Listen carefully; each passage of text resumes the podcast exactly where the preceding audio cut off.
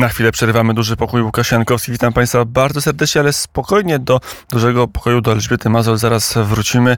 Mm, ale w naszym, a dlatego przerywamy, bo w naszym studiu inna niezwykła kobieta Dominika Cosić, korespondentka telewizji e, polskiej w Brukseli. Dzień dobry, pani redaktor. Dzień dobry. Dzień dobry Państwu. E, na chwilę w Polsce, stąd taki nadzwyczajny wywiad, bo rzadko kiedy można Dominikę zaprosić na żywo do studia. Z reguły przemierza kuluary i korytarze, to w Brukseli, a to w Strasburgu i patrzy na politykę europejską. I my o, o polityce europejskiej trochę dzisiaj porozmawiamy, ale, ale najpierw relacje polsko-ukraińskie, albo inaczej, ukraińsko-unijne. Napisała pani tekst, dała komentarz, który wzbudził kontrowersję, że w tej chwili Berlin no, niejako przekupuje Kijów, żeby Kijów atakował Warszawę. Jak ten spór o zboże, jak polityka wobec Ukrainy jest mhm. widziana z perspektywy Brukseli? Z perspektywy Brukseli, jeżeli chodzi o instytucje unijne, to mhm. rzeczywiście można odnieść, że jest taka próba y, przekupienia powiedzmy wprost Ukrainy i widać e, całą serię dziwnych wypowiedzi i decyzji władz ukraińskich, polityków czołowych ukraińskich wymierzonych przeciwko Polsce, polskiemu rządowi. No, te słowa oburzające prezydenta Załęckiego skierowane pod adresem Polski, co prawda nie wymienione z nazwy, ale każdy widział, że chodzi o Polskę na forum ONZ-u.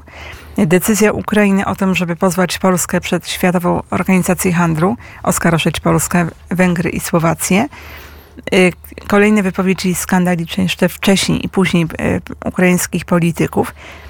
Bardzo dziwne, jeżeli wziąć pod uwagę całe polskie zaangażowanie w pomoc dla Ukrainy. W to, że gdyby nie to, że Polska rozpoczęła falę pomocy także militarnej i politycznej, i finansowej, i humanitarnej dla Ukrainy, to obserwowano by i czekano, aż się Ukraina wykrwawi. Pamiętamy początek wojny, luty 22 roku, jak można było odnieść takie wrażenie, że Niemcy odeszły na bok i patrzą tylko, kiedy ta Rosja do końca się rozprawi z Ukrainą i wtedy będzie można podjąć decyzję. Takie jak mówiła Scarlett O'Hara, y, poczekam, co, co zrobią inni, albo pomyślę o tym jutro. I takie było początkowo bardzo wstrzemięźliwe działanie władz niemieckich. Dopiero wizyta Mateusza Morawieckiego w Berlinie, gdzie postawił do pionu, po raz pierwszy to nie Niemcy, ale Polska y, postawiła diktum Niemcom.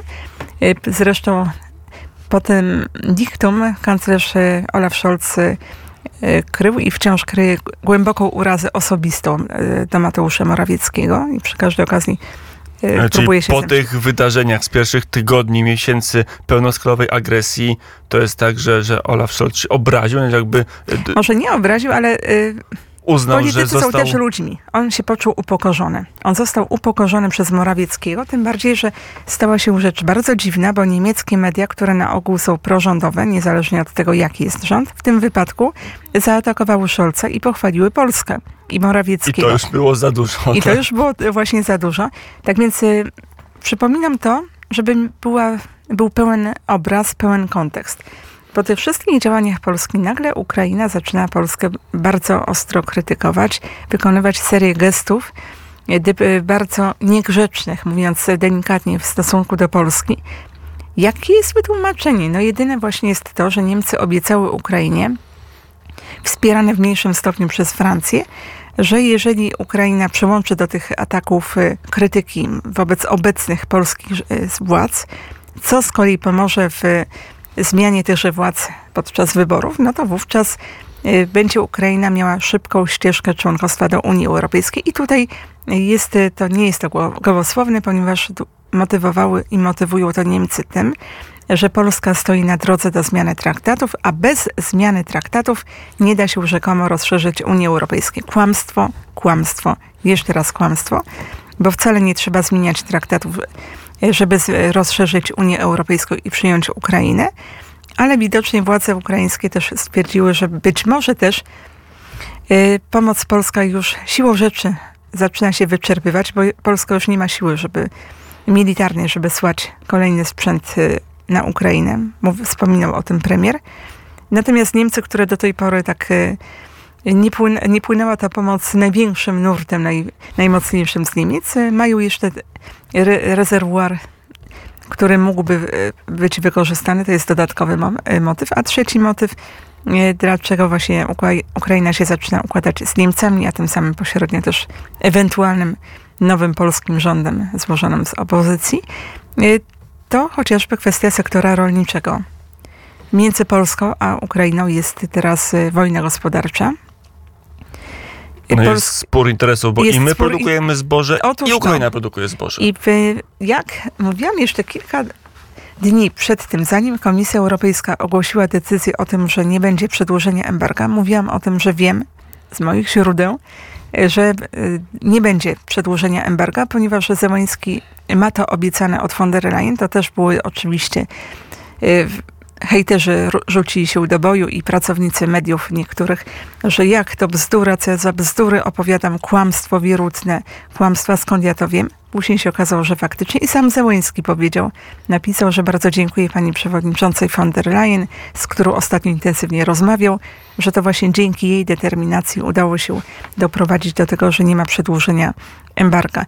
Czyli coś, co jest wymierzone w polską gospodarkę, gospodarkę czterech pozostałych krajów, które chciały przedłużenia embarga, krajów unijnych, a jest na korzyść kraju, który nie należy do Unii Europejskiej. No, też trochę dziwne. Nie mówiąc o tym, że doszło do jakiejś horrendalnej zmiany postrzegania, percepcji, bo przecież Polska nie blokuje tranzytu zboża z Ukrainy i innych produktów do innych krajów, tylko nie chce zalewu swojego rynku, co jest naturalną ochroną. No, ale A to już- na ile to jest z punktu widzenia działania, e, logiki Unii Europejskiej, e, takie ponadstandardowe działanie, jak otworzenie rynku produktów rolnych na produkty z Ukrainy, no, które przecież nie są w żaden sposób zharmonizowane z naszą polityką rolną. Y, Nie mają takich wymagań. e, fitosanitarnych, chociaż- jak, i tak- chocia- tak, I, I wielu innych. To jest dosyć dziwne działanie, bo jak e, była swego czasu kwestia Mercosuru, czyli e, tego, żeby mogły towary z, rolne także z krajów Ameryki Południowej docierać do Unii Europejskiej, no to było wielkie oburzenie i tutaj były wie- protesty, no bo, bo I żeby była jasność, rolnicze... skala importu z Mercosur byłaby znacznie mniejsza. Tak. E, Tam chodziło o 2 miliardy euro importu. Tutaj z samej Ukrainy mamy w, w krótszym okresie 5 miliardów Tak. euro. Inna skala. Tak, no i zatem to jest dosyć dziwne, dziwna decyzja Komisji Europejskiej. Tak niektórzy próbowali tłumaczyć to tym, że gdyby Komisja Europejska teraz się e, zgodziła na przedłużenie embarga, to Ukraina mogłaby pozwać całą Komisję Europejską i Unię Europejską przed e, Światową Organizację Handlu. No ale jakie by miała argumenty na swoją, na swoją korzyść? No jakie? Żadnych nie miałaby. Więc to jest takie e, strachy na lachy, nomen omen, można byłoby powiedzieć. E, Staliśmy się, mam wrażenie, zakładnikami naszego dobrego serca, jako Polska. I teraz doszło do takiej sytuacji, że ponieważ Ukraina jest ewidentną ofiarą wojny, tego nikt i agresji, tego nikt nie neguje, to każda próba skrytykowania poczyniań władz ukraińskich spotyka się z zarzutem, że jest to działanie prorosyjskie i tylko ruskie onucy ośmielają się krytykować Ukrainę. No bzdura i nie dajmy się poddać temu szantażowi moralno-etycznemu. To jest bzdura, bo mamy prawo krytykować złe dla nas decyzje, wypowiedzi ukraińskie, tak samo jak wypowiedzi płynące ze strony każdego innego kraju i członkowskiego, i nieczłonkowskiego, a nie do obrony. I też bardzo dla mnie dziwnym zachowaniem władz ukraińskich jest to, co stało się w, w Kanadzie, czyli uhonorowanie i podziękowania ze strony prezydenta Zełańskiego dla by, byłego SS-mana ukraińskiego. Teraz y, słyszę takie tłumaczenia, że y, Zełański nie wiedział, kogo będzie nagradzał, no ale przecież, przepraszam, są ambasady, No jest i- protokół dyplomatyczny. To albo y, działa ktoś przeciwko, z obozu ukraińskiego, przeciwko prezydentowi Zełańskiemu, by go wprowadzić na minę, albo z kolei prezydent Zełański prowadzi jakąś dziwną grę. Speaker parlamentu kanadyjskiego podał się do dymisji. Nie usłyszałam do tej pory słów y, komentarza, słów przeprosin ze strony prezydenta Załańskiego lub jego ludzi, a powinien, bo w tym momencie jest też nie tylko z Polską dodatkowo y, utrudnia relacje, ale z Izraelem. Przecież Izrael jest tym krajem, który teraz najbardziej jest o to oburzony, a najgorsze s- samej Ukrainy jest to, że to woda, woda na młyn na insynuacje rosyjskie, że na Ukrainie ożywa nazizm, że Ukraina się nie rozliczyła z tego, co robiła w czasie II wojny światowej, kolaborując z Niemcami i że potrzebna jest denazyfikacja. No, coś takiego zrobić w takiej sytuacji, kiedy są takie oskarżenia, to jest strzał we własną stopę. mm, pani redaktor Dominika Cosić, naszą, mm, naszym gościem. E, a na ile jest szansa, że Bruksela, Berlin i Paryż, bo tak się w takim trójkącie się to roz, rozgrywa, spełnią obietnice wobec Kijowa, te, te obietnice na przykład szybkiej akcesji, bo chyba e, tym też gra Berlin i Paryż. No więc właśnie, to jest ta główna obietnica. E, Dziwię się, że Ukraina uwierzyła w to, bo tak naprawdę Niemcy nie chcą Ukrainy w Unii Europejskiej i kilka dużych krajów członkowskich też tego nie chce. Dzisiaj co prawda widziałam wypowiedź przewodniczącej Parlamentu Europejskiego, Roberty Metzoni, która powiedziała, że chciałaby pogonić kraje członkowskie, ale ki- kim ona jest, żeby miała poganiać kraje członkowskie? Do tego, by do końca roku jeszcze e, przyspieszyć proces akcesji Ukrainy do Unii Europejskiej, który i tak dokonuje się w tempie ekspresowym, tylko że nie wyobrażam sobie, żeby ten argument trafił do władz na przykład Holandii, która jest jednym z większych hamulcowych, do władz Francji, która też nie chce takiego rozszerzenia. A właśnie Paryż zmienił zdanie, bo wiele osób mówi, że pod względem rozszerzenia na wschód to właśnie Francja znacząco zmieniła swoje podejście i to umożliwia grę Berlinowi. Jak E, Francja teraz mówi właśnie też, e, że jest przychylna, tylko pytanie, co w takim razie zrobić z krajami Bałkanów Zachodnich, które o wiele dłużej starają się o wejście do Unii Macedonia Europejskiej. Północna, która zmieniła nazwę państwa, Tak, aby wejść prawda? do Unii. Też nie ma I, te, takiej I w możliwości. tym momencie te kraje mają wciąż czekać w kolejce, a Ukraina ma wyjść miałaby, miałaby wejść tylnymi drzwiami, no to też by naruszyło całą układankę. Zatem moim zdaniem ta e, realnie szybkie wejście do Ukrainy do Unii Europejskiej nie jest możliwe i to, co robi Berlin, to jest mydlenie oczu władzom ukraińskim, które może potrzebują tego też na użytek wewnętrzny. Przecież też e, pamiętajmy o tym, że są wewnętrzne walki e, na Ukrainie pomiędzy różnymi frakcjami i też każda z frakcji próbuje wykorzystać politykę europejską w swoim e, własnym celu.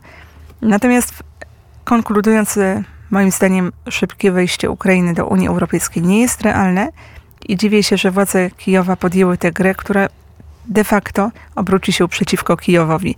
Za każdym razem, kiedy Ukraina bezgranicznie przechodziła na stronę niemiecką, ufała Niemcom, kończyło się to źle dla Ukrainy. 2004 rok, pomarańczowa rewolucja. Komu Ukraina zawdzięcza to, że się udało? Polsce. Znowu Polska była w tej forpoczcie, a później co zrobił prezydent Juszczenko? Pojechał do Berlina i złożył hołd Niemcom, które to rzekomo były głównym adwokatem Ukrainy. Poroszenko ten sam błąd popełnił, później format normandzki mieliśmy, I porozumienia mińskie, które nie które zapewniły nie zapewniły. I teraz, Ukrainie teraz się pokoju. historia powtarza i skończy się pewnie tym samym. że Niemcy wybiorą Rosję, a nie, a Tak, nie poza tym, Ukrainę. dlaczego Niemcy chcą zakończyć, doprowadzić do szybkiego końca wojny na Ukrainie? Po to, by jak najszybciej wrócić do ponownych interesów z Rosją. No i jeszcze jest jeden element w, tym, w tej całej układance też związany z polityką rolną, y, wojną, czyli wielcy oligarchowie, niekoniecznie nawet ukraińskiego pochodzenia, którzy trzepią, mówiąc kolokwialnie, rynkiem rolnym i nie tylko, i którzy też grają ważną rolę w tej układance. To jeszcze jedno pytanie na koniec, bo wiem, że czas nas mm, goni. Reforma Unii Europejskiej, pani redaktor o tym wspomniała, że, że to jest warunek wobec Warszawy, chyba głównie wobec Warszawy w formie niejakiego szantażu. Okej, zgodzimy się przecież na wasz postulat, wasz polski postulat o rozszerzenie mm, Unii o Ukrainę, ale e, przy takim rozszerzeniu to jednak musi się zmienić zasada kierowania Unią, musi przejść reformę, musi Unia być bardziej scentralizowana, żeby być sterowną po rozszerzeniu. Powstał raport, który mówi o rozszerzeniu o 10 państw w ciągu e, o 7 lat do roku 30, no ale też mówi o znaczącym przesunięciu kompetencji z Rady do Komisji, e, z państw członkowskich do Europarlamentu. To jest balon. Likwidacja wet, Na likwidacja zasady jednomyślności, y, w- oddanie tych obszarów, które są teraz w kompetencjach krajów członkowskich pod, y, w kompetencje instytucji których na unijnych. przykład granice się mówić, na przykład tam są Tak, na, polityka y, obronna, polityka zagraniczna. Właściwie nie zostałaby chyba żadna dziedzina, która była w, w 100% w, gestii krajów członkowskich. To byłaby znaczna, y, znaczny krok w stronę zmniejszenia suwerenności krajów członkowskich, podporządkowania ich władzom unijnym centralnym, które tak naprawdę są y, dyrygowane z Berlina. Y, Dlatego Niemcom bardzo, bardzo zależy na tym. Francji też, ale Francja, mam wrażenie, pomimo wspólnych deklaracji z Niemcami składanych, powoli zaczyna rozumieć, że jest wykorzystywana przez Niemcy, by przepchnąć coś, co będzie korzystne, tak jak strefa euro na przykład, bardziej dla Niemiec niż dla Francji.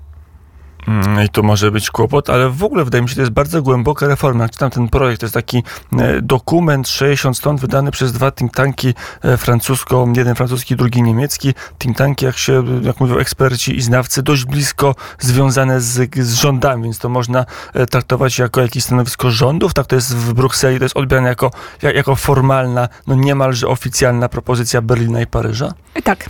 Mówi się o tym zresztą też były wypowiedzi niedawno polityków, e, ministrów e, z obu tych krajów, Francji i Niemiec, które e, to by- były podsumowaniem tegoż raportu i też mówiły o tym, że bez zmiany traktatów nie będzie rozszerzenia Unii Europejskiej. To jest szantaż moralny, żeby skruszyć przede wszystkim Polskę. Czemu Polskę?